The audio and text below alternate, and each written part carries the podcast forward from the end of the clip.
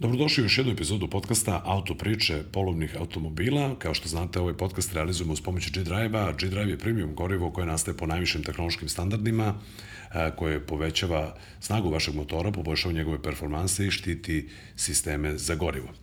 E, u ovoj epizodi e, moj gost je dugogodišnji prijatelj, saradnik, prosto nekako sam u temi dovoljno dugo, Ivica Kolb, autolakirer, mada ja imam običaj da, da te zovem Ivica Limar, odnosno ljudi kad me pitaju ili imaš nekog limara, kažem imam Ivicu. Ivica, dobrodošao. Bolje vas znaš.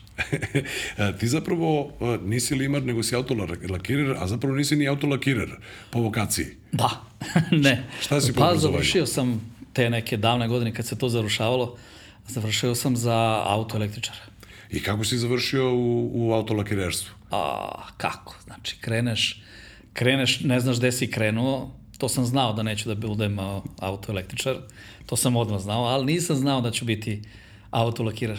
I ono, kreneš vamo tamo, a, ovo ti se svidi, ono ti se ne svidi, a, probaš da, ono, krenulo je to prvo neki posao i krbus kao autoelektričar, ali kakvi Ne, nisam ja tu sebe Nisi vidio. se pronašao. Ne, tu ima mnogo žica nekih, to nešto se dešava čudno.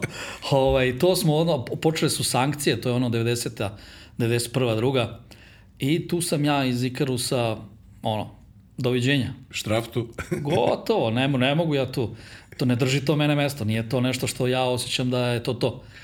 I to počne ono, nema se posla, šta ćemo, kako ćemo, to je ono, kao svi, kantica, gorivo, šverc, mađarska, vamo tamo. Dovijenje, i, dovijenje, to, tako potpuno, je. potpuno karakteristično za 90. godine. Da, pa, kao, svi smo tu školu prošli. Da. I, ono, kreneš, dođeš u neki stadijum gde ono više ne znaš, mator si već ono, kantica je to, nisi napravio nešto veliko i kreneš da, da vidiš od čega ćeš to da nastaviš da živiš. I prvo je to bila neka radnjica, ono prehrana, to je bilo popularno, ajmo, može. Pa posle toga neka sendvičara, pa posle toga opet ajmo nešto da muljamo vamo tamo, nema, nikad nema dovoljno para. E, kad se to sve ono ispraznilo, sedneš i razmišljaš, čekaj, šta ću ja sad? Ono, a, a šta bi recimo nešto bilo što ima dosta klijenata, potencijalnih? Da, gde ću ja to, kako? I preko neke vezice zaposlim se u neki ovlašćeni servis. A, I sad kad dođeš tamo, došao si preko veze, a šta ćeš da radiš? Pa ja tu neko dva, tri dana lutam kroz servis, ne znam, prodaje automobila, salon, ne znam, tašna, mašna, kravata. Ne, ni to meni. Prodavnica automobila, pa onda ovih rezervnih delova, pa ajmo malo među majstore, vidim ja mehaničari, oni mučenici, ono, do ovde malo nije to za mene, ne, i onda redom tako ideš i dođeš do odelenja gde su farbari. Vidi, ovo su gospoda. Vidim ja, tu se nešto čudno dešava, iz ničega ti dobiješ nešto. Što lepo izgleda, odnosno, da kažem, u laički rečeno dobiješ taj konačni proizvod. Kako treba da izgleda najlepše kada izađe iz fabrike? Da, da, ja kažem gazdi, tom vlasniku, ja ću ovo. On me gleda čovjek, pa ti to znaš? Pa rekao, ne znam, ali mislim, ne letimo na mesec, naučit ću. I ajde, dobro. Njemu je bilo sve jedno. Krenem ja tu da radim i to je ono, znaš, bukvalno iz kutije nekog gita ti napraviš nešto što kad to iz tog ovlašćenog servisa izađe, to ne bi trebalo da se razlikuje, odnosno ne sme da se razlikuje od onoga što je izašlo iz salona. Znači ti ozbiljno moraš tu da se potrudiš, da stekneš ozbiljne neke veštine, da naučiš, da, da kreneš ono, da znaš odakle si krenuo. Ja mogu da kažem sad malo je ovako, ovaj, možda nategnu to što bi rekli narodski, ali ovaj, to mora da čak ima neke vajarske sposobnosti. Moramo da bude umetnička duša, da izvuče tu liniju. Ja ne mogu da se pohvalim da sam ja neki ono sad naučnik koji je voleo te neke predmete, ne znam, matematika, fizika, tu gde su neke brojke, gde to nešto kao, to je tako i nikako drugačije. Egzaktne stvari. Da, to ja ne mogu, to nikako mi ja to ne, ali zato tamo gde je bilo ono da se nešto nacrta, da se to nešto napravi rukom, da se to nešto popravi, to je meni išlo bez problema. Šta kao, ono, da nacrtamo nešto, ne, re, kome treba? ne, daj vamo šta hoćeš, može. Tako da... Znači umetnička duša čuči Da, u tebi. e, otprilike. I onda shvatiš jednostavno da, da ono, našao sam se u tome, pronašao, vidio sam da to meni ono, leži, ide mi to, kopiram ovog majstora, ali vidim ja da tu ono, ba mi radimo, ali on čuti, razumeš? Ne prenosi Ne, znanje. ne, razumeš, moraš ti to nešto da ukradeš malo, da, da vidiš ti zašto je to tako. Pa prošlo jedno godinu dana, ja, kakvi farbanje, kakav pištolj, to, nema, nema ništa od toga. Ja kažem majku, pa da li sam ja, ono, toliki maler, vidi, svi farbaju, svi nešto, ja još uvek to nešto špakla, git, ono, trljaj, ovo, ono, sve ne, aj počisti ovo, počisti, donesi mi, dodaj mi tog jednog ono dana nije došlo vreme, ono kao, e, sad smo postali drugari, ovaj, mada taj moj majstor kojeg sam ja učio, on je mlađi od mene, ali majstor, on išao u, to, u tu školu, završio to i znate neki detalje koje ono, ne možeš ti to ni kroz Praksu toliko da naučiš ne, i ne znaš možeš, mora šta neko, radi. mora neko nešto da ti kaže, odakle da počneš. I onda mi to kroz neko prijateljstvo, ajde, nemoj to tako, to ovako, jako me je pušto godinu dana da ja to, znaš, ono, Da, pus, pu- da, mogu da kažem, pustio te da se pečeš. Pa, znaš, Malo te okreto tu i tamo da vidi da li si zagrizao stvarno. Pa otprilike tako. Međutim, i, o, na vreme on to mene presekao, razumeš, ja sam već počeo ono tu posle godinu dana tog nekog rada da počnem da pametujem. E, a što ne ovako? Znaš, lakše nam je ovako. Gde ono tu, on, ono, to, to ne može tako i mora ovako i kraj. I tu sam ja ono presekao. Rekao, godinu dana si tu, radiš nešto, nisi odmako puno od početka, još uvek ono, nema kakva mašina sad, ono, svi, svi neko, radim, a gde je mašina za to? Nema, ba, to mašina, Mašina su ovih 10 prstiju. evo ti o, ova rašpica i sa tom, to radiš. Sad te prvo pitaju, a gde je mašina za to? da, to je razlika između tih vremena i ovih vremena. Ja sam to i planirao da te pitam. Kako ti deluje sada situacija na tržištu, ne znam koliko imaš uopšte uvida u to. Dakle, da li, ovaj, verujem da te stručne škole imaju dosta upisanih kandidata, ali da li se pojavljuju neke nove mlade nade u, u, u tom poslu i kako se zapravo to postaje? Dakle, Jel ti deluje da imaju klinici interesovanja ili zapravo era društvenih mreža dovodi do toga da sve to što je nešto fizički, nešto mora se radi, eh, nije to interesantno za mene. Ako može nešto palcem ovako da se scrolluje, pa To, to bi bilo super. na aplikaciju to, da se farba, recimo. To, to u praksi ne ide. Vidi, kako je sada u tim školama koje bi trebalo da proizvode te neke majstore? A, ne znam, ja sam to davno prošao tu neku školu, to je bilo ono 80. godina. I tad je bilo, znalo se ono, upisuju se, ne znam, četiri razreda, ne znam, mehaničara, četiri razreda a, električara, tri razreda farbara, šta tu ima tapetara, raznoraznih struka. U mojoj školi je bar bilo to što sam nabrojao. A sad kako je, ne znam, sad mislim, ne znam ni da li postoji više to. Verovatno su to neki klinci koji ono uh, iz neke ljubavi krenu u tako nešto, ne znaju šta ih čeka. Jel, da znaju šta ih čeka, verovatno ja sad iz ovih ono, Iz ovih cipela. cipela bi pobegao, znaš kako. Znači, sve je to lepo, sve je to, ali e, lepo je dok radiš, ali kad dođeš u onaj kontakt sa ljudima, e, majstore, a jel može to samo e, malo da mi prsneš? a ja sam čuo da može samo, o, samo ovoliko. Da, uf, da sam ofarba i E, tu onda počinje ono da ja ono, mogu da kažem da nemam više tu neku kiselinu da ja to varim.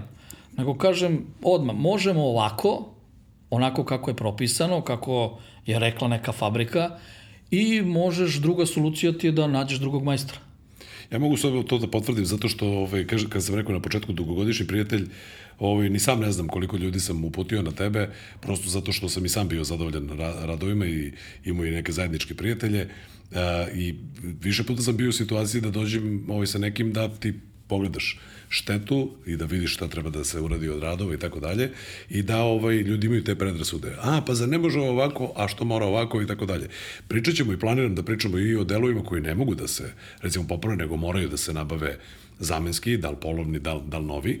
Ovaj, ali hajde da krenemo od, od tog nekog uh, osnovnog. Dakle, kako da odredimo kolika bi mogla da bude šteta od nekog najobičnijeg, da kažem, čukanja u gradu. Više puta sam bio u situaciji da ti pošaljem preko nekog od ovih e, servisa za komunikaciju, ti pošaljem slike i da kažem daj neku procenu, čovjek je evo upravo oštetio, šta se dešava. Da li mi uopšte možemo ili to mora ipak stručno oko da pogleda? Jer nekad je spolje jedno, a unutra može pa, bude svašta drugo. Pa vidi, e, već toliko godina sam u tom poslu da ja mogu da na osnovu tog nekog prvog vizualnog kontakta sa štetom da procenim da li je iza te štete, iza krila, iza branika e, moglo nešto da se desi na osnovu toga što vidim sa spoljne strane. I u 90% slučajeva sam u pravu.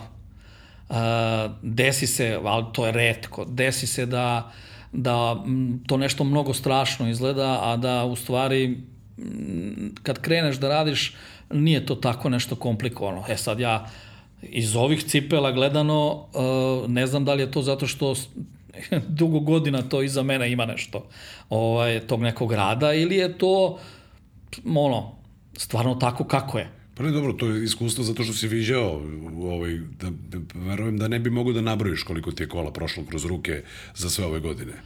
Ali to je prosto to iskustvo koje stoji za tebe. Ti kad to pogledaš, znaš šta možda bude. Ok, možda su ti iznenadili neki modeli sa nekim senzorima koje nisi očekivao uh. na nekim mestima ili neke stvari koje, ako je novi model automobila na tržištu, pa možda nisi siguran kako su neke stvari postavljene, ali generalno je to... Pa pazi, nema, nema tu mnogo velike nauke kako je to nešto postavljeno. To hoću da kažem, dakle nema tu ne, ne Zna se kako vode. šta mora, znači branik mora da ima neku šinu branika, mora da ima neku žabicu, mora da ima neki nosač bočni, mora, nema tu uh, neke velike filozofije. Možda bude iznenađenja, da. Nema tu iznenađenja. Ima iznenađenja u, u onome što proizvođač uh, kako da ti to dočaram, e, da ti izazov da, da ti napravio je nešto od nekog materijala koji ti ono do sad nisi vidio.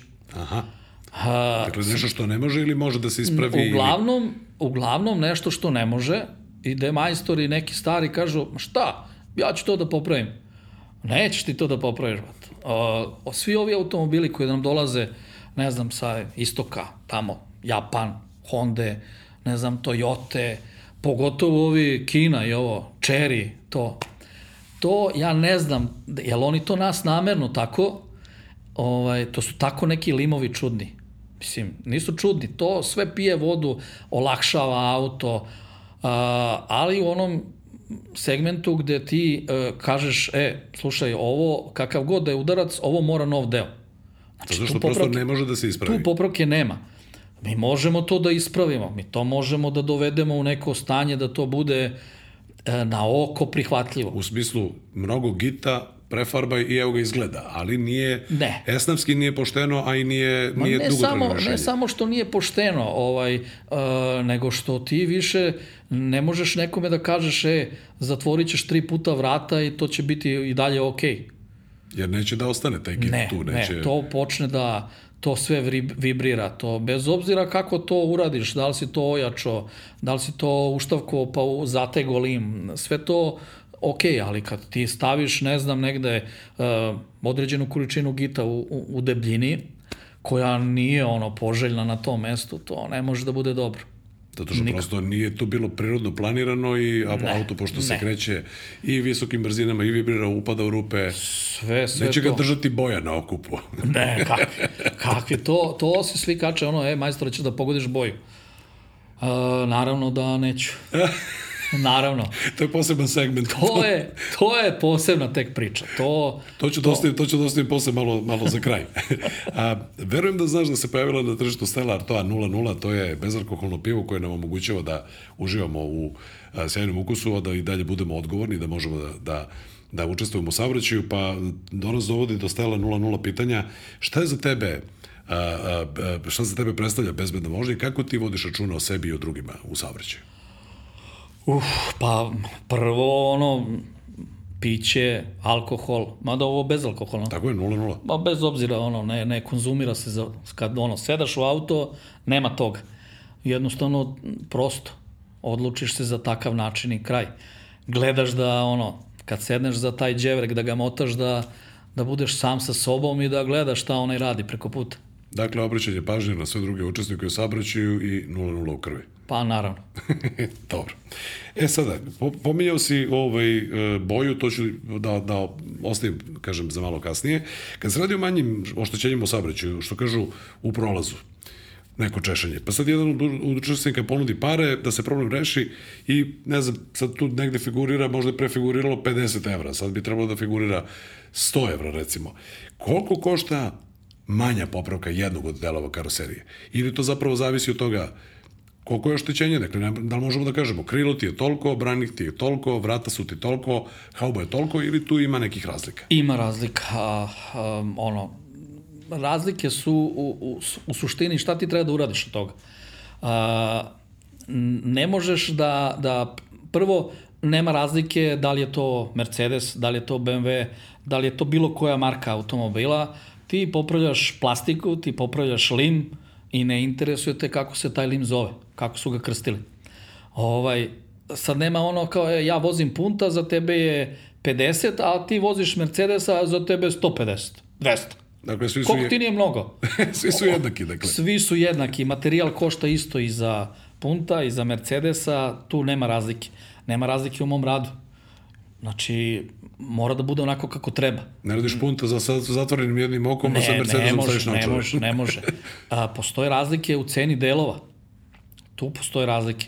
Ali u toj nekoj, tom nekom, da kažem, gradskom češanju, da si ti, ne znam, prošao je neko, pa te zakačio, pa ti zagrebao boju, nije ti pomerio lim, nije napravio to neku deformaciju lima, čisto ti je zagrebao boju.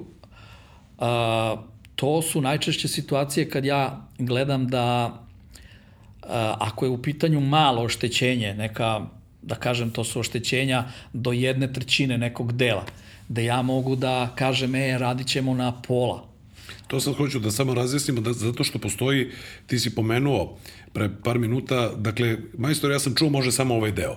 Da bi ta stvar, odnosno da bi ofarbani deo izgledao onako kako treba da izgleda, postoje neka pravila, prosto gde, odakle može i treba da počne da se farba, postoji to nešto što se zove jeli, ušpricavanje, odnosno da kao krene nekim, sad ja malo ovde improvizujem, ali da kreneš nekako laganim nanošenjem boje da se ona zapravo meša, odnosno ulazi u tu nijansu dela koji nije oštećen i postoje prosto neke prirodne linije gde to može da se uradi. Neko bi rekao da za, ne znam, oštećenje, ja sad pokazujem, e, izvinjam se onima koji nas samo slušaju, ali pokazujem recimo nešto od 10 cm. I kao, eto, samo je tu oštećenje. To ne znači da se samo to farba. Farba će se i pre i posle njega da bi to izgledalo jednako ne znam kako da objasnimo da oni koji nas samo slušaju steknu, steknu ovo pa Ajde da, da, da krenemo ovako od tog nekog, da kažemo od ćoška, nekog prednjeg branika gde treba da dođe žmigavac, taj koji stoji uz far ili far koji ulazi u, u, u to krilo, da kažemo da smo ga čuknuli u tom delu, ovaj, to je nešto što uh, ne bi trebalo da se radi ceo deo, jer stvarno dođu ljudi, to su stvarno neka mala oštećenja, ali ti kad pogledaš to malo oštećenje, e, podrazumeva da ćeš ti da, da mu to uradiš na taj način da nema, da kad dođe da podigne auto, da on ne zna gde, gde je to bilo. Ovaj, sad ti ako se e, fokusiraš na tih nekih 10 cm, prvo, e, nemaš ti tu veliki prostor za rad. Tu je, ne znam, očistiti deo dolima, baciti, ne znam, tu taj primer koji ide na gol im, pa jedna ruka gita, pa druga ruka gita, pa taj neki špric git, pa podloga za boju, pa ima tu nekih 4-5 slojeva koji dođu, dok ti dođeš do onog momenta da kažeš, e, sad uzimam pištolj i sad treba da farbam. E, sad to sve već sad od tih 10 cm, ako si svaki ovaj, taj sloj pomerio po santimetar dva, to se već nakupi na nekih desetak, 15, 20 santimetara, pa si ti već tu negde došao do trećine krila, blizu polovine. I taman ti ostaje toliko da tu boju, kako si rekao, ušpricaš i da dođeš do tih nekih vrata, da to kad staneš sa strane i pogledaš da je to okej. Okay. Pod da. uslovom Dobro. Pod uslovom da ono što si sipao u lonče, ta boja koja si morao da ideš da napraviš po kodu boje i odneseš neki uzorak, da ti je kolega koji se bavi pravljenjem bojem to tako napravio da je to kad On... skineš te zaštite sa kola, da to je to. Da izgleda kako treba da se... E sad, kako to ide?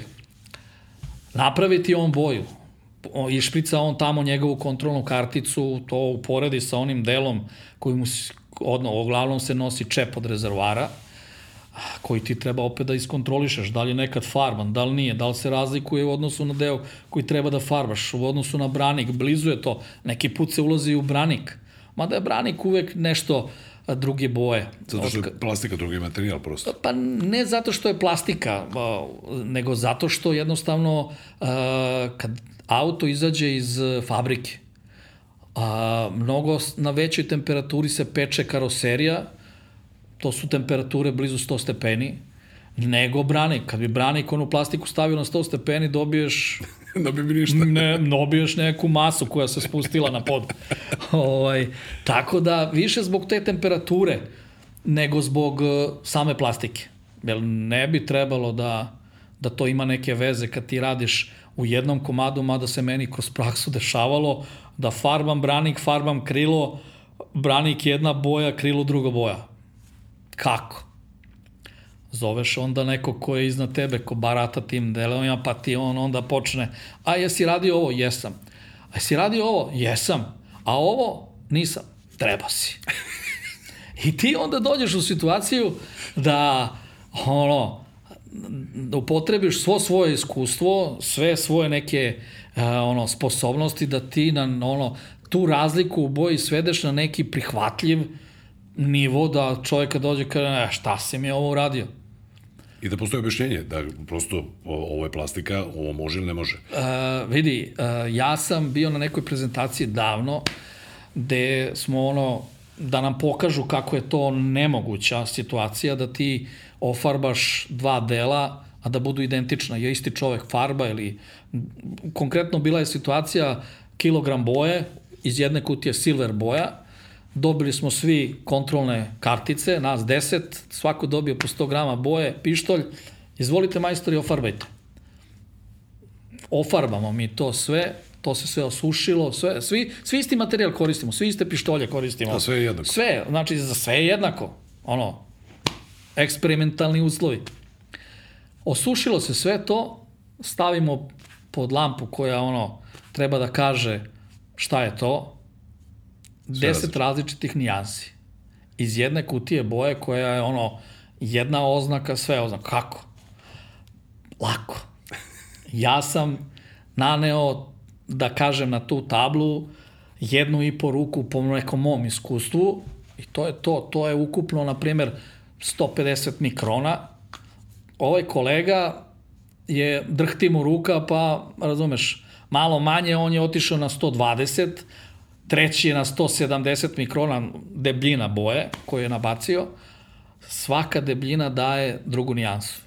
Jer Sve prosto to- du- dubina ovaj, tog efekta kao oku nije onda ista. količina tih kristala koji, koji su u, u boji, u tom binderu, u tom nosaču tije, tih kristala, ovaj, je totalno drugačije. Na manjem sloju ti kristali koji plivaju u toj vodici, nije vodica normalno, ovaj, da kažemo, ne, ono, To je tečnosti, da. tečnost, ta, koji plivaju u toj tečnosti, nemaju dovoljno vremena da legnu. Znači, neko ostane, neko legne onako kako bi trebalo, u neku vodoravnu liniju se slože, a neki ostanu onako zabodeni, ono, osušilo se i on nije stigo da legne. I odma već Drugačije pada svetlo na drugačije pada svetlo, drugačije se reflektuje, drugačija boja. Sad, a, ne može svako to da ni da vidi. Dakle, tu sad idemo na to da li si za to, da kažem, dat za taj posao i onda ide iskustvo i Da, to je da li, da li to, ovaj, jeli, kao što kažu, usvojiš i kažeš, ok, dobro, ovde sam pogrešio, ajde da probam ponovo, pa da nađeš neke tajne zanata. E, to je ono što ti ne možeš za godinu dana da naučiš. To je ono što ti, mislim za godinu dana, ja sad za go, ti za godinu dana u današnjim uslovima da imaš majstora koji hoće, prvo koji zna, koji je naučio to od pravih majstora e, i hoće da te nauči. Ti za godinu dana možeš da savladaš sve te neke termine, sve neke procese da prođeš, kroz svaki proces da prođeš, da izađeš, da znaš kako se to radi. Ali svaki taj proces nosi ono, e, desilo mi se nešto. Šta mi se desilo? Ovde mi, ne znam, usahla boja, ovde mi nagrizla boja, ovde mi se desilo, ne znam, ne znam ni kako se to zove. Hemija, znači ti ne znaš u hemiji šta će da se desi. Ali imamo sreću te ovi što prave te boje. Sa zadnje strane kutije imaš e, napisano kako se to radi. Dakle, ima uputstvo. Ima uputstvo i sad ti ne treba tu da budeš nešto pametan. Ti treba da budeš ono edukovan da znaš šta to znači. Kad je on tebi napisao, ne znam, uh, boja se zrađeđuje, svaka se baza, sad su baze, te boje, tako se, ono, tako im je ime. Dobro. Uh, svaka se različito razređuje od svakog proizvođača. Da li je to, ne znam, 50%, 70%, 100%. Treba da pogledaš kako. Ako nisi pogledao, pogrešno zamešao, ne može da bude dobro. Ja moram da, da te pohvalim, ovaj, više puta sam te pohvalio ovaj, da kada nedavno je bio jedan ovaj, naranđasti audi kod tebe i bio je na testu na našem kanalu, ako niste pogledali, pogledajte taj snimak.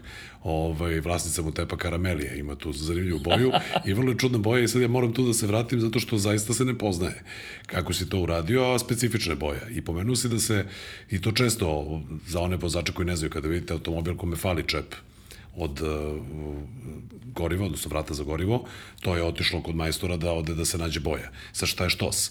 Jedna je boja kada izađe automobil iz fabrike, druga je boja posle nekoliko godina upotrebe. Prosto uticaj UV zraka, uticaj sunca, uticaj prašine, taj automobil se vozi, pere i tako dalje. Ovaj, jednako je, drugo je kad ti odeš u, u, kod, kod čoveka za boju i kažeš daj mi po kodu tu i tu boju, međutim čep govori verovatno nešto drugo. Odnosno to je, spektrometrom se verovatno utvrđuje. Spektrometrom, da. Dakle, kako ta boja izgleda danas, jer fabrički je to boja šifra ta i ta, međutim ona posle godina upotrebe, taj automobil ima toliko i toliko godina, nije baš ta boja. Ti onda tu moraš da tražiš nijansu, da pogodiš da ne bi sad to bilo šareno. On je jarko naranđast, a ovo ostalo je, ne znam, u, drugom, u, u drugoj boji. A, redko se dešava da a, auto koji nije farban, a urađen je u tom, o tom metaliku, znači kad kažemo metalik, to znači da a, je urađen na takav način da je preko te boje nanešen lak. Znači, metalik je više komponentna boja. To je definicija zapravo metalika. Pa, kažemo pazi. metalik boja, to nije samo e, boja koja se tako presijeva, nego to je boja plus lak. To je boja od- plus lak. A, a u boji uh, je, ne znam, 6-7 komponenti, 10 komponenti, različiti kristala koji, ne znam, idu odavde donde. Da bi prosto dali taj efekt za oko i da taj auto se nama presijeva. Da, I da taj znamo auto... zašto smo ga kupili sa tom Pa, pazi, svi mi gledamo ono da on bude lep, da sija, da se presijava, vidi ima ovu nijansu, onu nijansu i sve je to super i sve je to lepo do momenta dok se taj auto ne ošteti i sad dođe prva reparacija. E sad tu, prva reparacija vodi u ono a, koliko si ti odgovoran da u toj reparaciji se približiš fabrici da ta tvoja majstorija koju si primenio uh, liči na ono što je fabrika uradila. Sad tu uh, kaže, hoće da, ma neće da bude kao fabrika, ali možemo da ga sakrijemo da bude blizu toga, jer u fabrici u današnje vreme farba, farba robot. Tako je, to i on nanosi precizno, upravo pričao si o debljini mikrona. Dakle, tu je svuda jednaka, jednaka, jednak sloj ili fabrički deklarisan koliko treba bude na krovu, koliko na vratima, sad malo improvizujem, ali to radi robot, to se onda peče i to je odjednom farbano. To ne može da pogodi niko. To- u smislu, to da u se- smislu da, da ti to posle pokušaš da uradiš nemoguće je. Prosto nisu to ti uslovi, ali da priđeš što je bliže moguće, da to, to se radi. Da priđemo tom nekom početnom, izvornom um, delu, to da. Da bude kao fabrika, to ne. Postoje ono priče, nekad je bio jedan stari majstor za koga su ono svi, a kako može on? A može, ali kod njega je, ne znam, u to vreme kad je on bio popularan, kod njega svi su farbali deo, ja pričam sad o markama, to je bilo davno, ovaj, svi su farbali deo, ne znam, 80-100 marka, maraka, a kod njega deo 300. I kaže, kod njega uvek dobro. Pa jeste, ali 300. E sad, hoćemo da progutamo tih 300 ili ćemo da progutamo onih 80 da bude tu negde. Mogu i ja da napravim da bude to. O, super, ako ćeš da platiš. Jel, nije to samo neću da ti uradim, nego za to plus ja moram da kupim dodatni materijal, moram da proširim posao, ne mogu da budu, ako farbamo samo vozače vrata, ne mogu da budu samo vozače vrata, mora da bude ovaj, i, I krilo, su- i, i suvozač, o, ne suvozača, nego ova pardon, zadnja vrata. zadnja, da. Ne daj Bože da je to, ne znam, ovaj, Sedan. krilo. Aha. Ovaj, pa onda moraš haubu, krilo, branik, vrata, to je već nekih četiri dela koje, pa to ne može da bude u ceni jednog dela. Tako je, on zapravo time, time ovaj, sad opet improvizujem, ali napravi da izgleda isto jer ti ne vidiš razliku, jer i ovo okolo je farbano u stvari. Naravno. Što ti? I onda on kaže, gledaj kako sam ti ofarbo deo. Ali mudro ćuti da je ofarbo još tri okolo. I to, ja to poštujem, to je majstorstvo. Pazi, i on to zna da naprati, naplati i to je okej. Okay. Ali ti kad najđeš na mušteriju, kad kaže, majstore, jel može samo ovaj deo, ono što si rekao. Ko tacica, ajde. Na- e, to kao ta, mo- može, ali mo, ako ćeš da se ne razlikuje, ako ne, onda moraš da potražiš drugog majstora. A ako hoćeš da to bude kako treba, onda moramo ceo deo, eventualno da uđemo i u susedni. Da se vratim na ono pitanje, dakle, koliko bi to sad moglo da košta, iako, evo ga, disclaimer, što se kaže na, na, na srpskom, odnosno, ovaj, prosto, da kažemo, u zagradama ćemo ovo reći, zato što cene ovaj, mogu da variraju i otešle su cene gore nedavno, jer je sve nekako poskupelo. Koliko bi sad moglo da košta ako čovjek treba da ofarba jedna vrata ili farba oštećenja na vratima koje iziskuje da ti ofarbaš, boga mi, trećinu ili polovinu celih vrata da bi, da bi mu sanirao štetu. Jer, postoji, jer možemo uopšte da damo Možemo, možemo, kako cenu. ne, kako ne. Ovaj, e, prošle godine se desila situacija, mislim, ta situacija se redovno dešava kod nas, da cene skoče, ali, e, pošto je ono odnos marka, ovaj, dinar, evro, to jest evro. evro, pa sad evro, tu, dugo to traje. To ono skoči, bude neki mala, mala razlika, ono ne znamo šta ćemo, dok se mi smislimo, ovaj, to se nekako izjednači i opet to nekako bude isto. Ako si rekao 100 maraka ili 100 eura, to u dinarima bude opet isto. Prošle godine se desilo to da su cene otišle gore, ali se ta razlika nije izjednačila. Tako da smo svi zbog tog nekog poskupljenja materijala koji je otišao, ne znam, 50% gore, kako koji, neki malo manje, neki malo više, smo ono morali sa ja godinama od kako radim, kod mene je bilo farbanje uh, 80 evra po delu. Znači da ofarbamo komadno vrata 80, druga vrata 80, krilo 80. Branik je već išao tu negde na stotku, Prosto Jel- drugačije. uh, komplikovanije za rad, mnogo onih difuzora, mnogo krivina, mnogo mnogo, uh, ne možeš da ga, ne možeš da vladaš s njim, pogotovo kad ga skineš s auta. On je sav mekan, on se sav okreće, on ne može da bude ravan. Mnogo, mnogo je teže uraditi branik nego bilo koji deo na autu. Hauba je u to vreme bila 100, sad se hauba farba 150. Krov je bio 200, Zašto? Pa, voziš karavana, ti u karavanu imaš tri dela. Kaže, i to je deo, pa jeste, ali u, u šest kvadrata. znači, mora da bude malo više boje, malo više laka, ne malo više, tri puta više.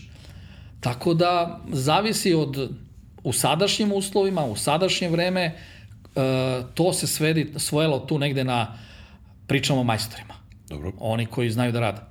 Ovaj, tu negde od 120 do 200 eura ide po delu.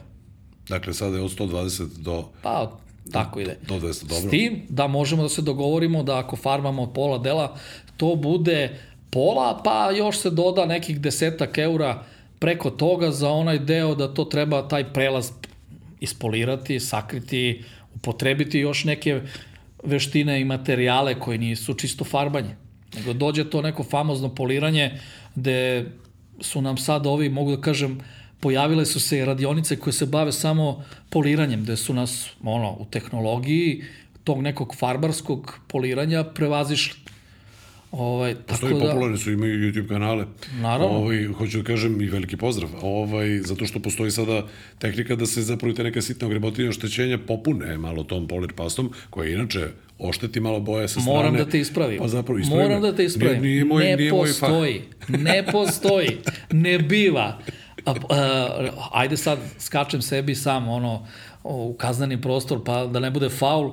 Ovaj, postoje lakovi koji e, mogu da se ogrebu, da se napravi ta... Bitno je da ne dođe do baze, do te boje, koji kad ga zagreješ, on počinje da, da tu ogrebotinu sam zatvara. Ovaj, to postoji, to je kao neka ono nanotehnologija, još ono, ja nisam došao u dodir sa tim, ali vidim da to već počinje. Postoje te neke folije koje se lepe, koje rade na istom principu, ali ne postoji pasta koja će da popuni. Znaš, ono, ima na, e, imamo olovku, prodajemo, e, sad povučete i evo, grebotina je nestala. Da, kad pogledaš na Instagramu i vidi kao sve savršeno radi. Sve savršeno. To funkcioniše, mogu da on, tvrdim 100% samo na tim nekim reklamama.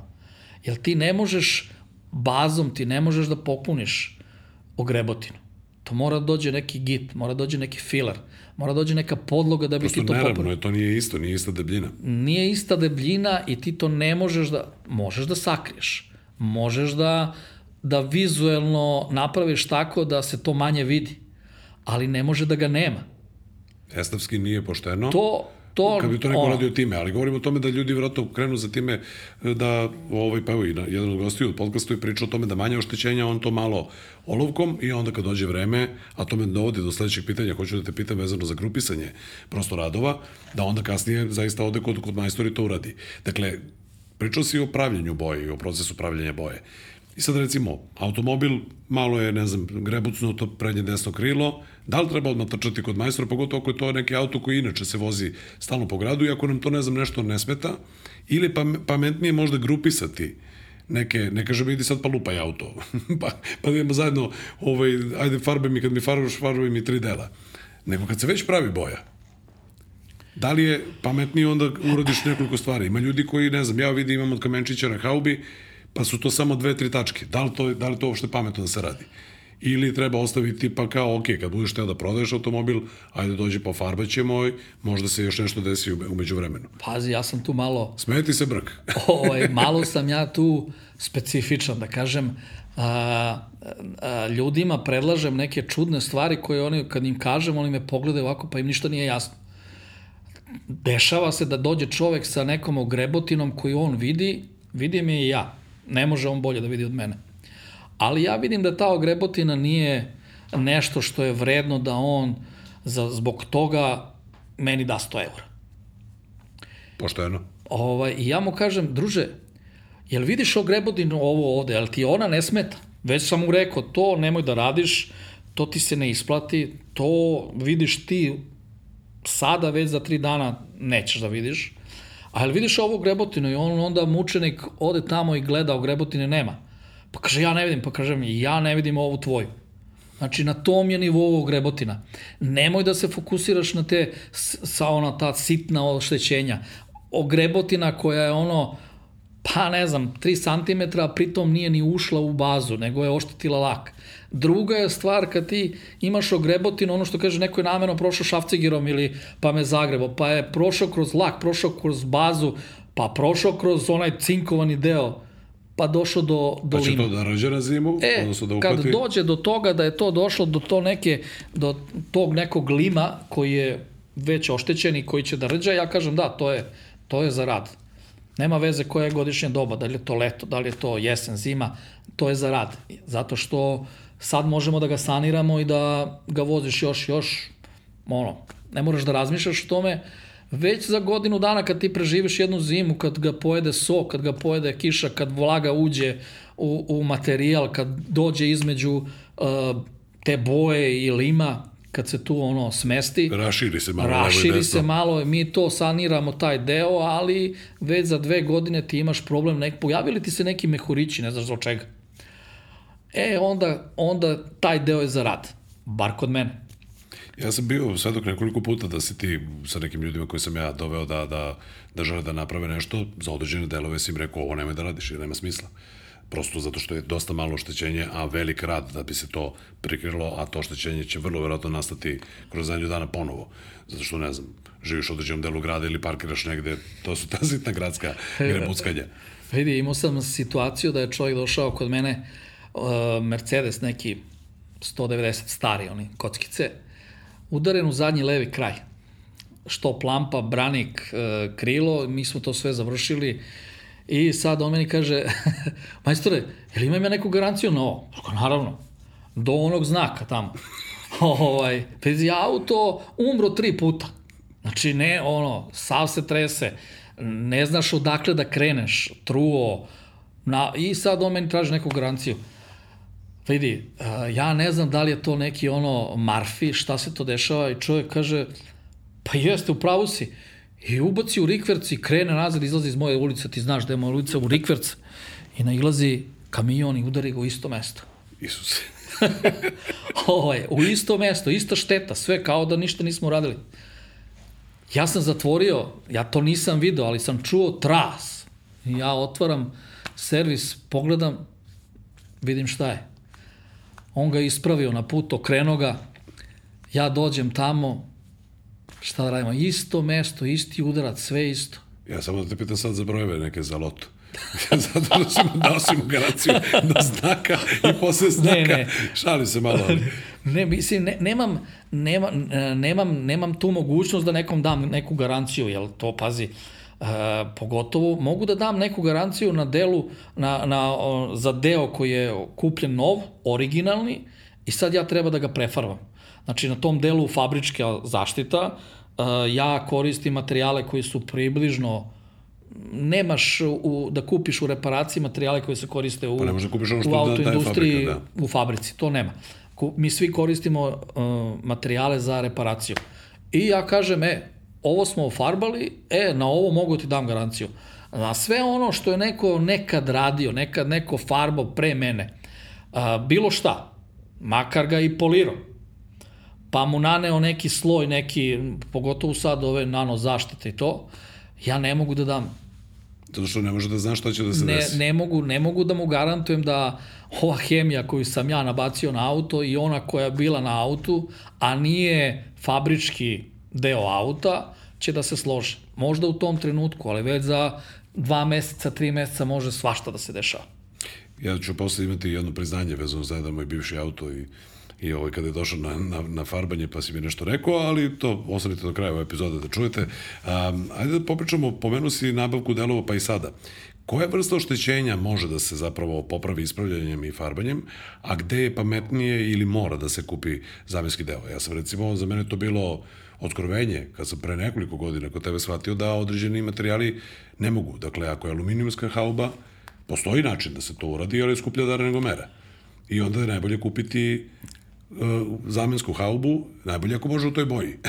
ako ne... A vidi koliko godina se ja ovime bavim, da li mi se desilo dva ili tri puta da sam uh, dobio deo, pričam o delu koji je uh, polovan, a dobar da mogu da ga ugradim auto da se ne farba u istoj boji. To možda mi se dva puta desilo. Dobro, to je slučajno, zato što... To, to jednostavno, da li sam ja po takvom zvezdom rođen, ili mene neće, ali ja to... Ili mi dođe deo koji je u boji, ali je negde zagreba nešto ono, pa onda što smo, što smo radili ako ćemo da ostavimo to tako? Opet dobijaš nešto što je oštećeno. Imao si oštećeno, a vratimo ti na auto oštećeno u nekoj manjoj meri.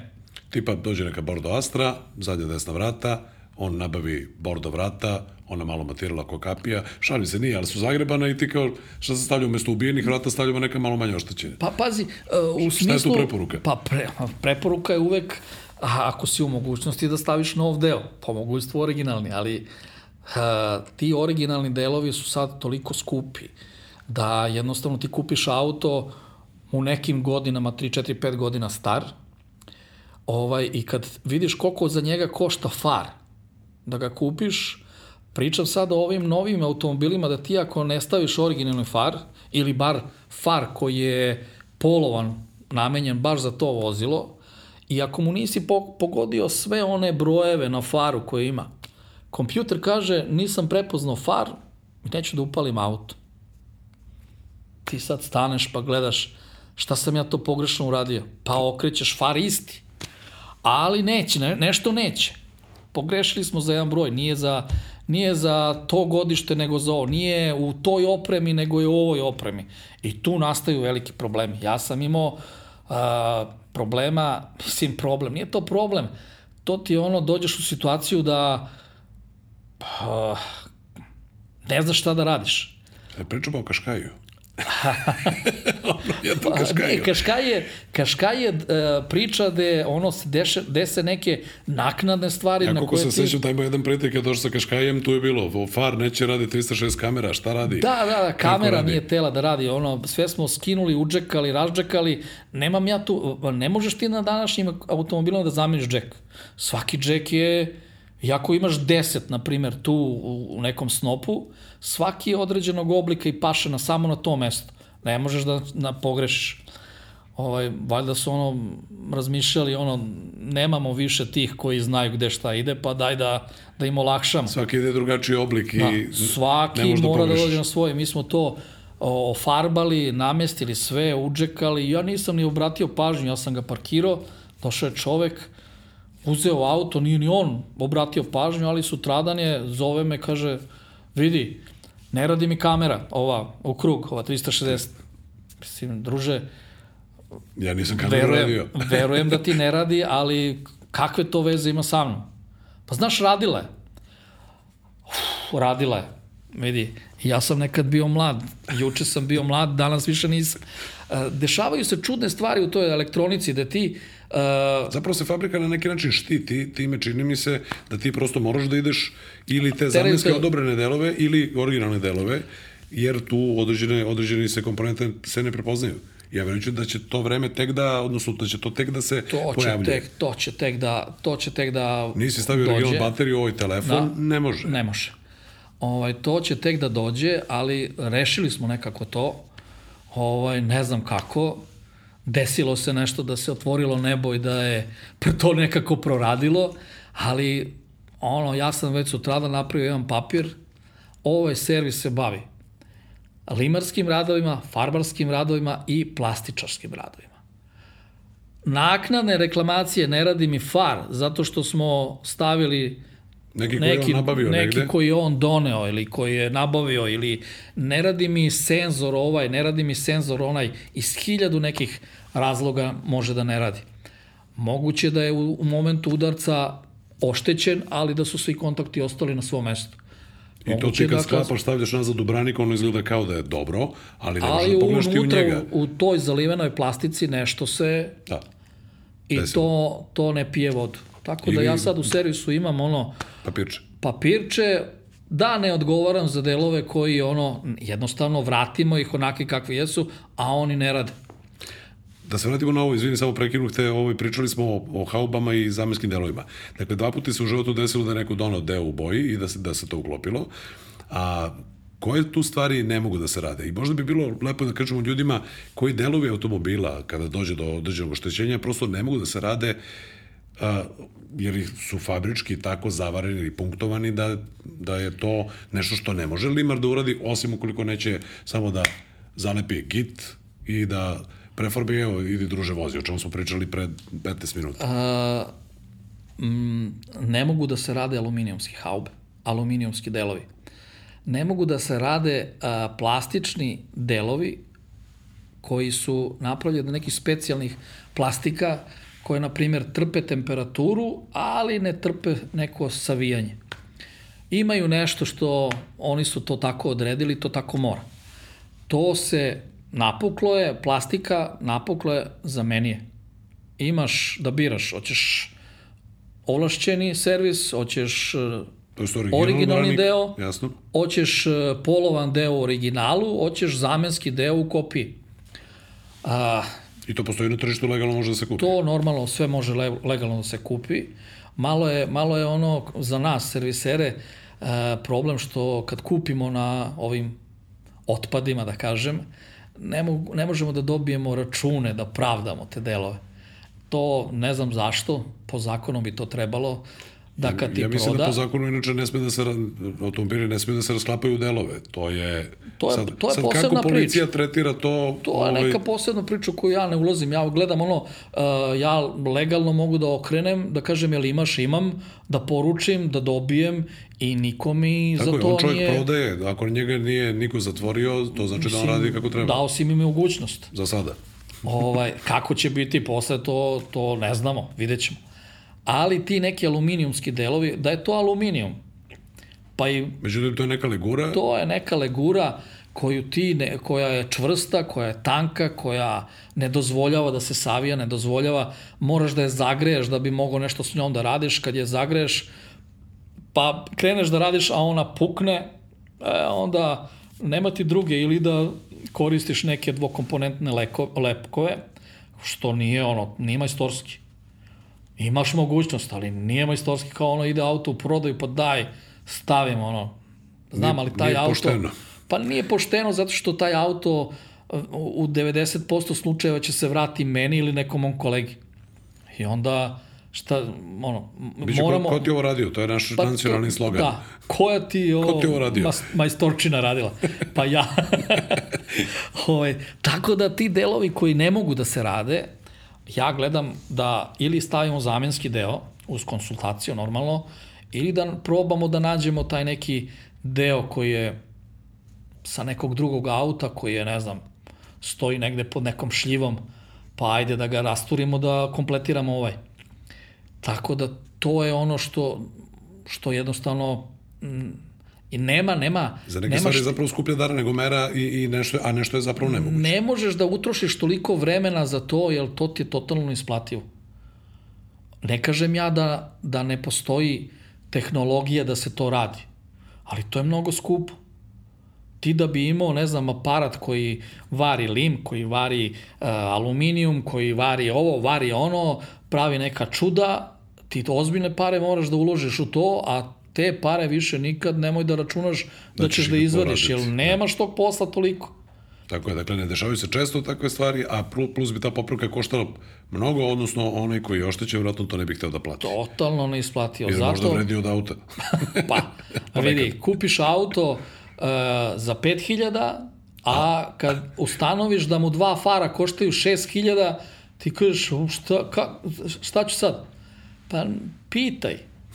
Pitaj, gde si krenuo? Raspitaj se prvo, da. Da. To sam da te, da te pitam, zato što si pomenuo si neke brendove na početku sa nekim specifičnim limovima. Međutim, da li postoje neki ozloglašeni, da kažem, modeli ili proizvođači, iako ja se trudim da budem tu, da kažem, ovaj, blagonaklon jednako prema svima, a, koji, za koje se zna da su teški za rad ili imaju neke, da kažem, te ovaj, skrivene trenutke koji, koji, koji, koji ometaju zapravo Pa pazi, ja- popravljanje ili ih je nemoguće popraviti u tom smislu. Nema nemogućih stvari.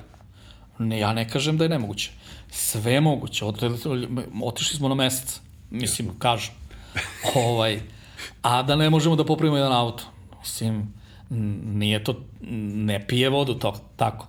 Ovaj, ali jednostavno, kako ti kažem, e, kreneš u posao, ako znaš, e, ma nije majstorija to što si ti napravio. Meni je veća majstorija da, da ti poznaješ materijal, da poznaješ alat, da znaš kako se taj alat koristi, gde ćeš da ga primeniš, za šta. Razumeš, nego ajde sad krenuli smo, imamo dobru volju, ali, znaš, ono, ne znamo, došli smo na početak i šta sad? E, sad, čekaj, e, imamo Google, sad ćemo na Google da prelistamo, da vidimo šta ćemo sad radimo. Za mene nema ovaj ili onaj lim uh, ili brand može teže, ne, meni je isto. Ja nemam tu ono sad farba Mercedesa pa imam tremu ili farbam uh, Juga pa kao lakše mi je Jugo. Ne, meni je isto, ali ja rekao sam ti ono, uh, ne delim to na Po brendu ima i, po i brendu, razlikuje jer po meni ceni. je, nije brend, ja kad zaštitim auto ne vidim koji je. Znači ja farbam komad lima. Sad da li je on ovog oblika, onog oblika, ova boja, ona boja, totalno je nebitno. A, jedini problem koji vidim je to što nekako ovi sa druge strane planete rekao si sa istoka, Da, sa imaju istoka neke, imaju neke imaju- čudne limove, jel? Pa imaju, nisu čudni, to je kvalitet. Ne mogu da kažem to nije kvalitet, ali je kvalitet do momenta dok ga ne udariš. Onda staviš zamenski isti takav i to je opet kvalitet. Ja ne kažem da je Ali- Toyota loš auto, uh, pogotovo ovi Yaris i ovo, to, vato, pa to je tanko, to je nežno, to je, to sve lepo ovako izgleda, ali ga pipneš ovako, Ugiba. nema, ne, vibrira. Na primjer, sa druge strane, i evropljani su malo, evo ti Peugeot, na primjer, 206, uh, nema uh, podrub na zadnjem krilu. onaj metalni deo na koji se kači krilo. Nema. Ti pipneš zadnji rub, on ovako radi. Tanak, nikakav. Ne, ne možeš, ne, ne, ne možeš da barataš sa njima. M moraš nekako da ga učvrstiš, a ne, nemaš tu mogućnost. Uh, jednostavno, nije to više onaj jugić ili onaj kec gde si ti mogo da odsečeš parče, ali ima, staviš drugo, I Navariš to je to. Vozi. Ne, ne može. Kažem, mislim da to ima veze i sa promenom generalno autoindustrije. U smislu životnog ciklusa automobila, ja sam to nekoliko puta rekao u našim testovima, dakle mi kupujemo nekako velikom većinom, kupujemo sad na lanca ishrane i sad očekujemo od tog auta da nas služi dugo, dugo, a kupili smo ga za par hiljada evra, bez ikakve osude, prosto takva je, platežamo mogućnost, ti, takve, su, takve su okviri, ali e, nekako ceo svet se menja i promenio i životni ciklus automobila je 3-4-5 godina i tere dalje. Ajmo dalje. Idemo dalje, idemo novi. Potrošačka kultura je to donela i prosto više ni proizvođači automobila i rekli smo to i ovde nekoliko puta. Kad se, jeli, Golf dvojka, idemo neuništiv, kad se pojavila Golf četvorka, nije bio 3-4 meseca možda na tržištu, već si video da ne radi far, ne radi štopaljka. Shvatili su i proizvođači automobila da ne treba da prave večne automobile, jer gde je tu zarada posle?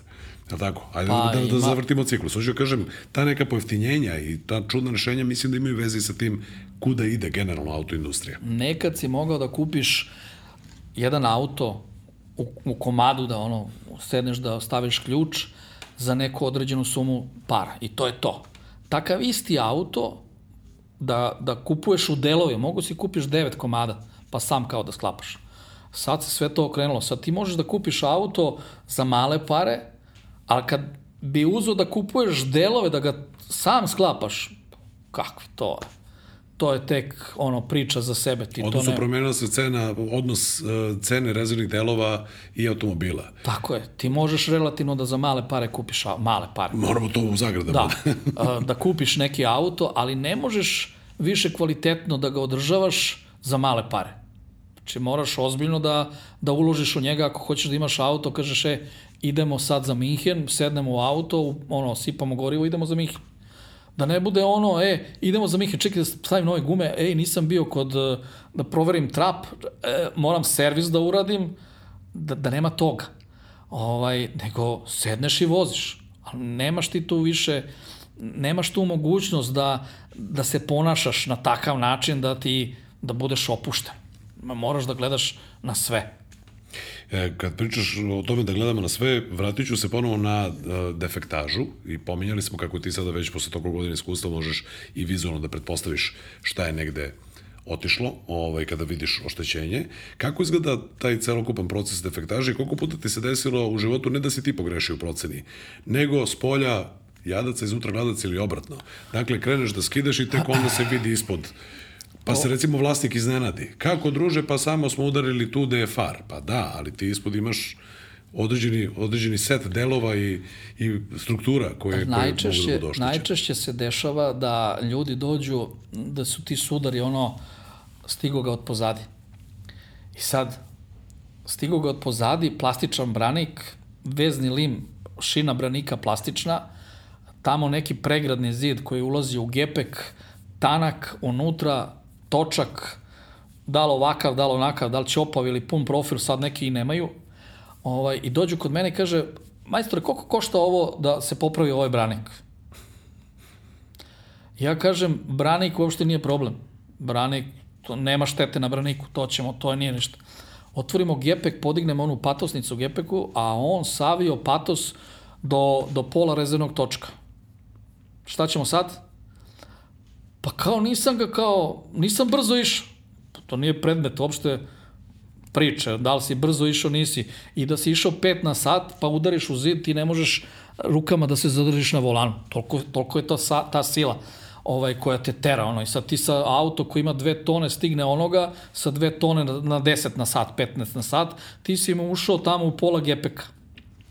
E, tu su one priče, počinje ona, ona priča gde šta sada radimo da, trebao sam da zovem miliciju, trebalo da izađe milicija.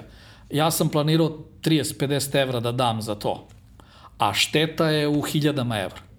Jer se pomerio, strukturalno se pomerio i mora da ide na popularni panter u većini slučajeva, kada govorimo o tim strukturalnim Da. oštećenjima. Da. Za one koji ne Znači- znaju, panter je, to se dalje tako, tako zove, ali tako? A, šablon. Pa, šablon, da. Bolje reći šablon. Da, sto Možda- za poravnjanje, dovođenje u, u fabričke, fabričke mere. mere. Da, možda sam se u stvari, jer se to nekad tako Da. popularno zvalo, možda zbog jednog proizvođača, Pa, ali postoji uređaj na koji se stavi auto, ne može to uvek, zavisi od oštećenja koji zapravo razlači Ima hidraulika koja to vraća na, na svoje fabričke mesto. mere. Fab, Da. Na fabričke mere se vraća, ali to, to je nekad, e, to je, prvo nije toga puno bilo ranije. A i, I taj koji je imao taj sto za poravnjanje, taj neki šablon, tad ja znam, pamtim te neke cifre, tad je bilo, samo da staviš auto na, na taj šablon je bilo, na primjer, 800 maraka u to vreme. Pa tek onda ide popravka. Jel ti nisi imao mogućnost da odeš kod, ne znam, komšije koji ima isto, pa kao ja ću ti uradim, a ne. I jedan šablon ima, ne znam, tu i sad ti čekaš kad ćeš da dođeš za tako. Ako ne, staviš ga na parking, pa kad dođeš. E sad, sad se to svelo i tehnologija automobila je otišla na drugu stranu, sve to nekako olakšano, ali opet moraš da imaš alat za takve stvari. Ne možeš to na ruku, na šljivu, na banderu, na, da razvučeš pa kao to je to. Radi se sve. Kad kažeš šljivu, samo mi se pojavila slika, dakle, da neko veže napred za, za, za, za, za, za, za ovaj, da veže, veže za šljivu, recimo, lanac neki neku gurtnu, pa krene da vuče automobilom nazad. Pa imaš se svašta da vidiš. Svašta ima da vidiš. Ovaj, ja sam prisustvovao sva, svakakim stvarima. Ovaj, ali generalno, eh, što novi auto, to mogu da kažem za eh, kad dođeš da radiš kod mene, da ja nisam neki veliki servis, pa kao veliki servis sam u obaveze da imam i šablon, da imam i ovo i da imam i ono i sva, sva alat za sve to. Ovaj, eh, što novi auto, to veći problem za limarski deo popravke. Jel sve je tanko, sve je nežno, sve je, udariš ga ovde, a on preno udarac e, metar dalje. Savio, ne znam, udario si ga u, u prednju gredu, čeono, a on savio tamo ispod patosa gde su ti noge. Tu, tu je preno udarac i ti to ne vidiš. Što ima kad, veze sa, izvini, sa modernizacijom i sa tim zonama gužvanja, odnosno da se zaštite putnici kao Naravno. prvi prioritet. Naravno. I on primi sa jedne strane, a ta energija izađe tamo ko grom. Uđe, uđe s jedne strane, uđe. izađe na drugu. da, veća šteta tamo da izaš. Pa da. Ovaj, ali e, ti dođeš u situaciju, a, mislim dođeš u situaciju, mi nismo u toj situaciji kad doživimo takav udes da kažemo, e, ovaj auto me više ne interesuje, idem, dignem ili prebacim kredit, leasing, šta je već, uzem drugi, ovo ide na otpad. Nego mi gledamo da taj auto popravimo. I sad, tu To je... ima veze sa tim, izvini što te ponovo prekidam, ali uh, pričali smo i ovde u ovom podcastu više puta o tome da je kupovina automobila zaista jeste drugi najveći trošak posle nekretnine. Dakle, nekretnina je najveći trošak u životu, a drugi najveći, pa makar to bilo i par hiljada evra, je kupovina na koju se ne odlučuješ tek tako impulsivno. To nam je zaista stavka, stavka koja treba se izdvoji i onda je to jako važno i onda kao gledaj da popravimo, ne da bacamo, nismo na tom nivou, jel? Vidi, uh, ja sam u poslednjih par godina počeo da dolazim na neku ideju da meni auto više ne treba. I kad tome ide, da ti kažem, automobilska industrija, Ali- da će biti najam i ko, ko, takozvano udruženo korišćenje. Na neki drugi vid, jer ja sam ustanovio da ja na moj auto uh, koji gledam da bude ono, ne mogu kažem perfektnom stanju, ali da bude u sigurnom voznom stanju, ja ako gledam koliko para dam na taj auto godišnje, ja razmišljam, čekaj bre, sipam goriva, sad ja tu ciframa mogu ovako otprilike nešto. Ja otprilike između 150 i 200 evra sipam goriva od auta. To ti je negde oko dve, između 2 i 2,5 hiljade godišnje. Da ga registrujem, to mi je još jedno 350 evra. Za ovaj koji ja vozim. Ovaj, to je već se primaklo 3000 evra. Da uradim, nekad se radio jedan servis godišnje, a sad uh, radim dva mala servisa, ono, tu sam, jer ja još uvek ono gledam da to radim na, ne znam, 10.000, da ne prelazim to kao fabrika rekla. Dobro, nema veze, ali ja radim da na 10. siguran, da ja sam to tako odlučio, ja to tako hoću. Ovaj, pa to su mi dva servisa godišnje, ta mala, oni su tu negde 100-150 evra, više 150 evra. Znači pa 300 to, na to, onih 300, 3000. to opet dođe tu negde na 3, 3, 300, bli, već smo blizu 3.500 godišnje. Da, ajde svake druge godine promenim gume, to mi je, ja vozim ove popularne ove dimenzije, pa mi to izađe tu negde oko 80 evra po gumi, to je opet četiri gume, to ti opet se ba, montaža bala, ode 300 evra. Pa to je već tu negde na 4000. Ne daj Bože da mi se zapušio DP filter, da mi je otišao, da se desilo nešto, što, ono, desi se, gde su diskovi, gde su kočice, gde je redovno održavanje. Ja sam tu negde, da kažem, između, grubo ovako, između 3 i 4 hiljade godišnje ja dam nekih para u taj moj auto, zato što sam ja kao u saobraćajem vlasnik tog auta. Jel mogu ja da ono, kupim Bus Plus? Jel sad kad krenem od mene i Više hoću da ne dođem do... Bus Plus. Pa dobro, da, ja kao, vidiš, ja nisam ni u tom, ne znam da li, šta sad postoji. Ima drugačiji sistem naplati da SMS sada i niko otprilike ne zna kako se utvrđuje Aha. ovaj, kad će stigne autobus i tako dalje. Ali, dobro. Ali ja kad realno krenem od mene, uh, supruga mi je radila tu nešto u gradu i sad da ja budem dobar supruga, da, da se ona ne pokupiš, muči, da. ja odem po nju i saglavim na gazeli, budem sat i po, dva sata na gazeli. Dok odem, dok se vratim, dva sata na gazeli. Čim plaćaš, em uživaš. Mislim, čekaj, ajde da platim neki taksi, nije mi to svakodnevno. Daj da uđem u autobus, da idem žutom trakom, da, da ne razmišljam da li će da me udari, da li neće da me da... Hoću imati... Da ne pričamo da samo ono, da nemam neko osiguranje pa da u slučaju moram da popravim auto. Pa, bato, ti za, kupiš, e, za te troškove kupiš jedan polovan auto. Dobar ja ozbiljno razmišljam da li da kupim neki za ove, za letnji period, da kupim neki električni bicikl, za te neke sitne relacije, ali ja kad treba da odem na more, uzet ću renta-kar, sešću avion, I to ne je mogu više ni da... trošak koji je, aj, aj ne vozite se više na duge relacije. Ma, imao sam nekog BMW-a, a, taj gde god vidi pumpu, on odma skreće. Ovaj, to bila, ona trojka je karavan, da, da, da, da, da. Ta, čekaj, ona- koji motor bio u njoj? To je bio onaj 150 konja automatik, znači kažu 320, troši 320D. 320D, ovaj, sa nekim leptirićima, nekim plastičnim u toj nekoj isisnoj grani, što su me naplašili. Kao hoće da se otkine, pa upadne dole, pa napravi čudo. Pa prvi susret sa majstorom je bio 750 evra. Šta smo radili? Očistili smo taj neki usisni sistem, promenili se, ne znam, dva kajiša, jedan španer, to 750 evra. Polako, lep, super. Lepo krenulo. Lepo, ja sam njega i servisirao i kad, ono, kad sam ga doveo u stanje, sad ću da uživam, rekao, e, ajde ti putuj lepo, nisi ti za mene, razumiješ što ga, vidi, sve to lepo, BMW, sve to super, ali to Košta. košta, mislim, ono, nije da ja to sad ne mogu da isfinansiram, ali neću. Kad ima mogućnost da se jeftinije vozim, neću. Dakle, prelaziš polako u... Pa, u, vidjet ćemo. ono, ono da, kako u, u ekologiji, u zeleno, ono. Pa u zeleno, da. Da, da. Prelaziš na, ovaj, na, na alternativu. Ok, a, da te ne davim još dugo, teo sam da te pitam, a, da prosto za ljude koji ne znaju, koliko traje proces popravke? Dakle, ogrebali smo auto, evo majstore, to ne može da bude, evo ga odmah. Koliko to minimum mora da traje zbog sušenja i zbog, zbog pripreme i tako dalje i pošto ja znam da si ti inače u, u gužvi, odnosno da imaš, stalno imaš posla, ovaj, što je dobro, da kucamo u drvo, jel? Evo ga. Ovaj, kako to izgleda? Dakle, e, koliko se u proseku kod tebe čeka?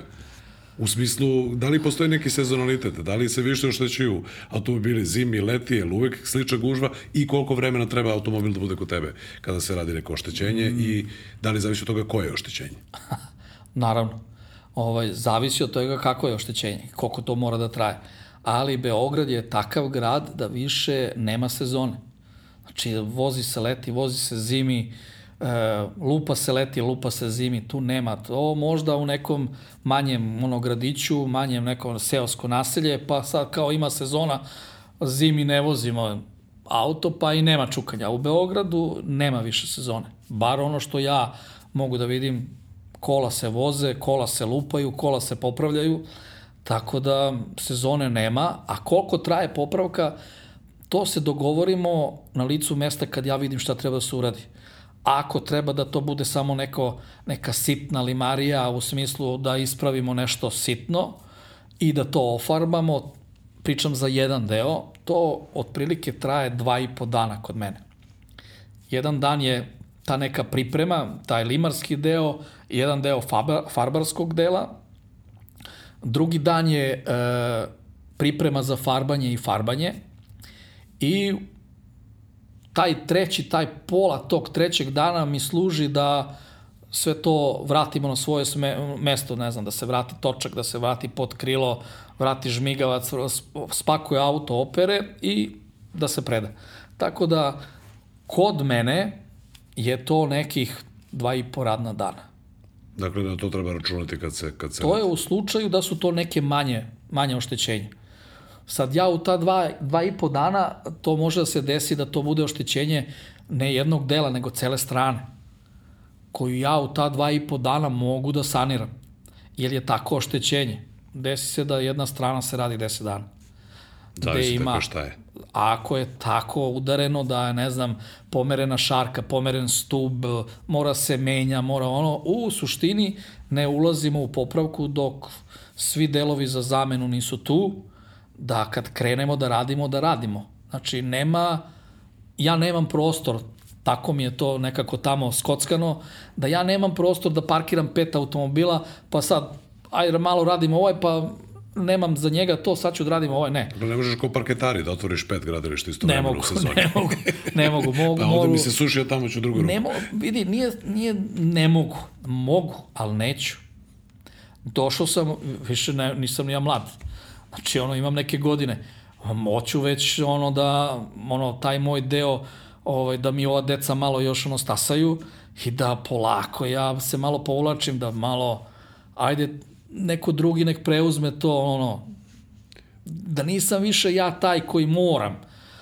Jasno, Normalno, potpuno, moram, potpuno. ali daj da malo to, ono... Da smanjiš sad, tempo, da smanjiš tempo. Da smanjim tempo, da sad mogu sebi da priuštim, e, rekli smo radimo danas 8 sati, tu neku normalnu, ono, normalno, normalno radno vreme, i hoću da imamo 8 sati, bre, da odem negde, da sedem, da se vidimo, da popijemo, da se ne, ono ne dopisujemo preko telefona, da, da vidim jesi živi ili ti uzo neko telefon pa se mesto tebe dopisuje sa mnom. ovaj, u tom smislu ono, gledam da gledam da ispoštujem ono što se, kad dođeš i kažem ti bit će u sredu, a došao si u ponedljak, da to bude u sredu. Ne dozvoljavam sebi luksus da kažem, e, znaš šta, aj nek bude petak kod mene nema petak. Ja to može mogu da, da potvrdim da, da se zaista nije desilo. I ja može da bude utorak, može da bude utorak, ali ne može da bude preko roka koji sam ti rekao. Uvek ti kažem, malo, ono, slažem te malo, malo više. Malo ostaviš marginu. Ostavim da imam prostora. Da. Ovaj, pa ako sam te slagao, pa te pozovem ranije, tebi lepo. Tako je. Lepo. Tako treba. Ovo je inače pregovarati. I za sam kraj, samo mi reci, jer postoje neke boje koje su izuzetno teške za nošenje, pričao si o kristalima, o tome kako legnu i tako dalje. Ja znam da jedno vreme ovaj, svetlo siva je, nije bila na listi tvojih omiljenih boja. Da li to najviše takav talas kod proizvođača? Ovaj, pre par godina je to bilo, podsjeti me.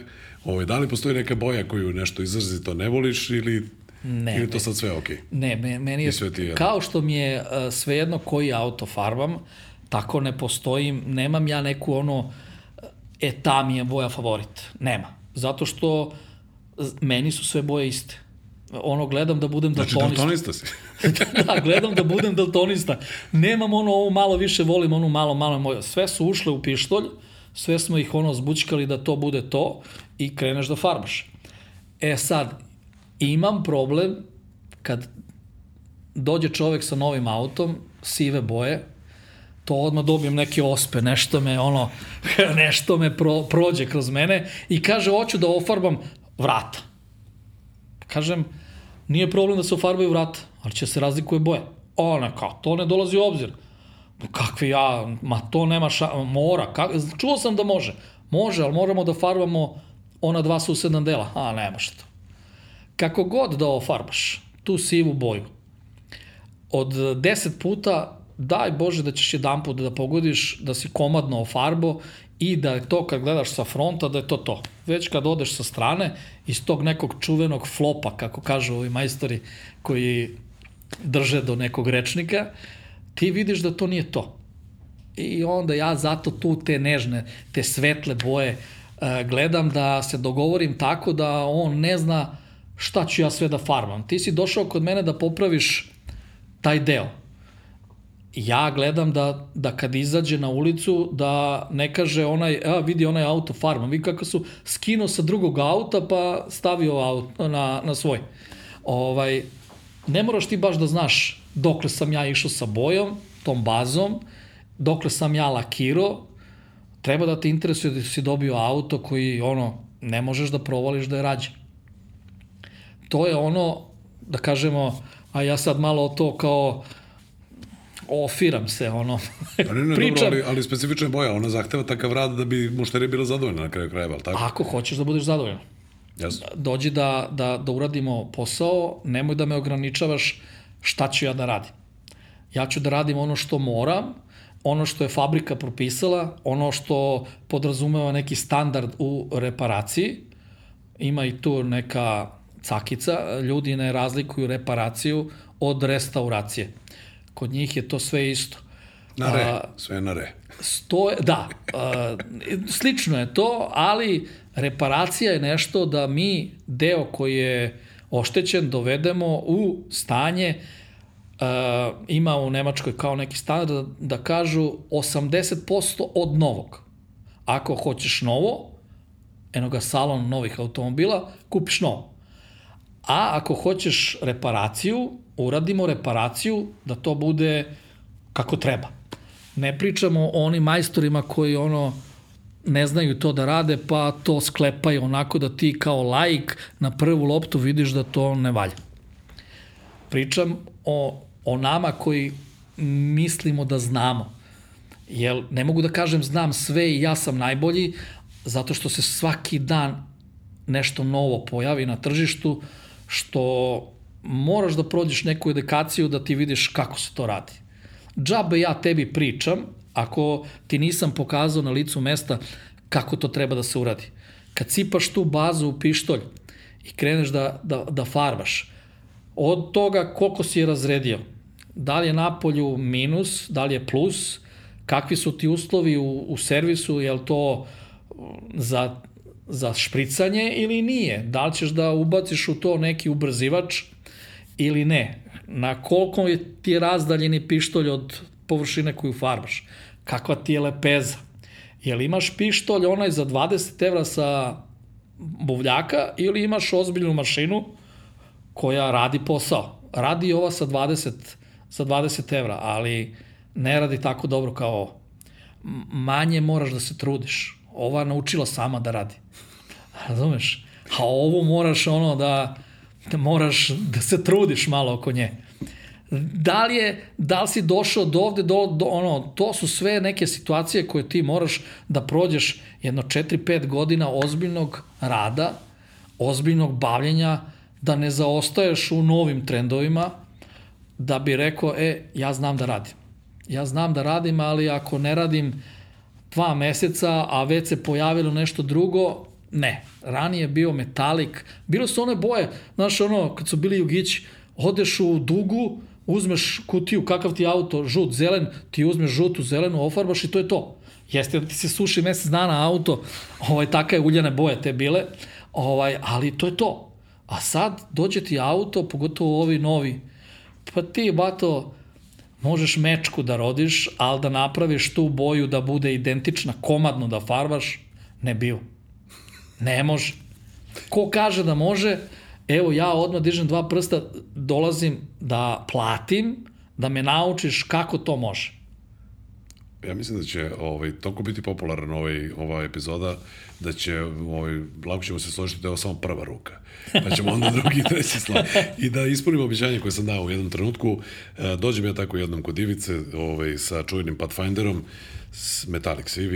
Metallic CV. Bilo je nekih oštećenja i kaže meni Ivica, kaže, gde si ti kupio ovaj auto, kako si kupio ovaj auto, ja se kao to nešto Ove, volim da kažem, da se razumem. Ja, ja kažem što? Pa kaže, farban je barem šest puta. Dakle, bilo je da se branik ne gađa sa sa Ne, haubom. poslao sam ti, poslao sam ti sliku Posebno haube, sliku slojeva. ha, e, sliku haube gde se vidi koliko slojeva boje ima na haube. Mislim da je bilo sedam. Ja sam nešto zapamtio šest, ali evo, neka bude da je bilo sedam. I bilo je, a kaže, šta hoćeš da ti farbam? U koju boju? Hoćeš sa čepa, hoćeš sa branika, hoćeš sa haube? Ja kaže, kako to? Pa sve su različite. Tako da, to mi je bila škola.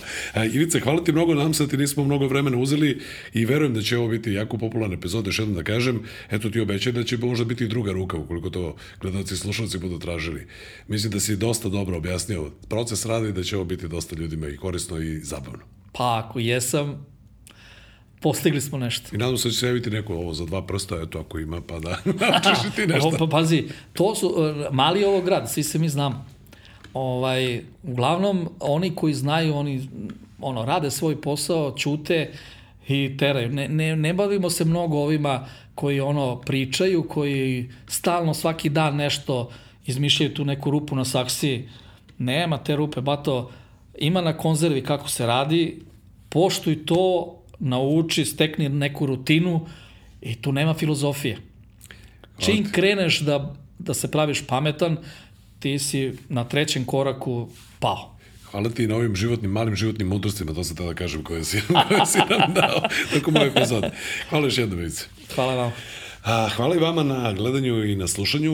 Kao što znate, ovaj podcast realizujemo uz pomoć G-Drive-a. G-Drive je premium gorivo koje nastaje po najvišim tehnološkim standardima, poboljšava performanse vašeg automobila, povećava njegovu snagu i štiti sisteme za gorivo.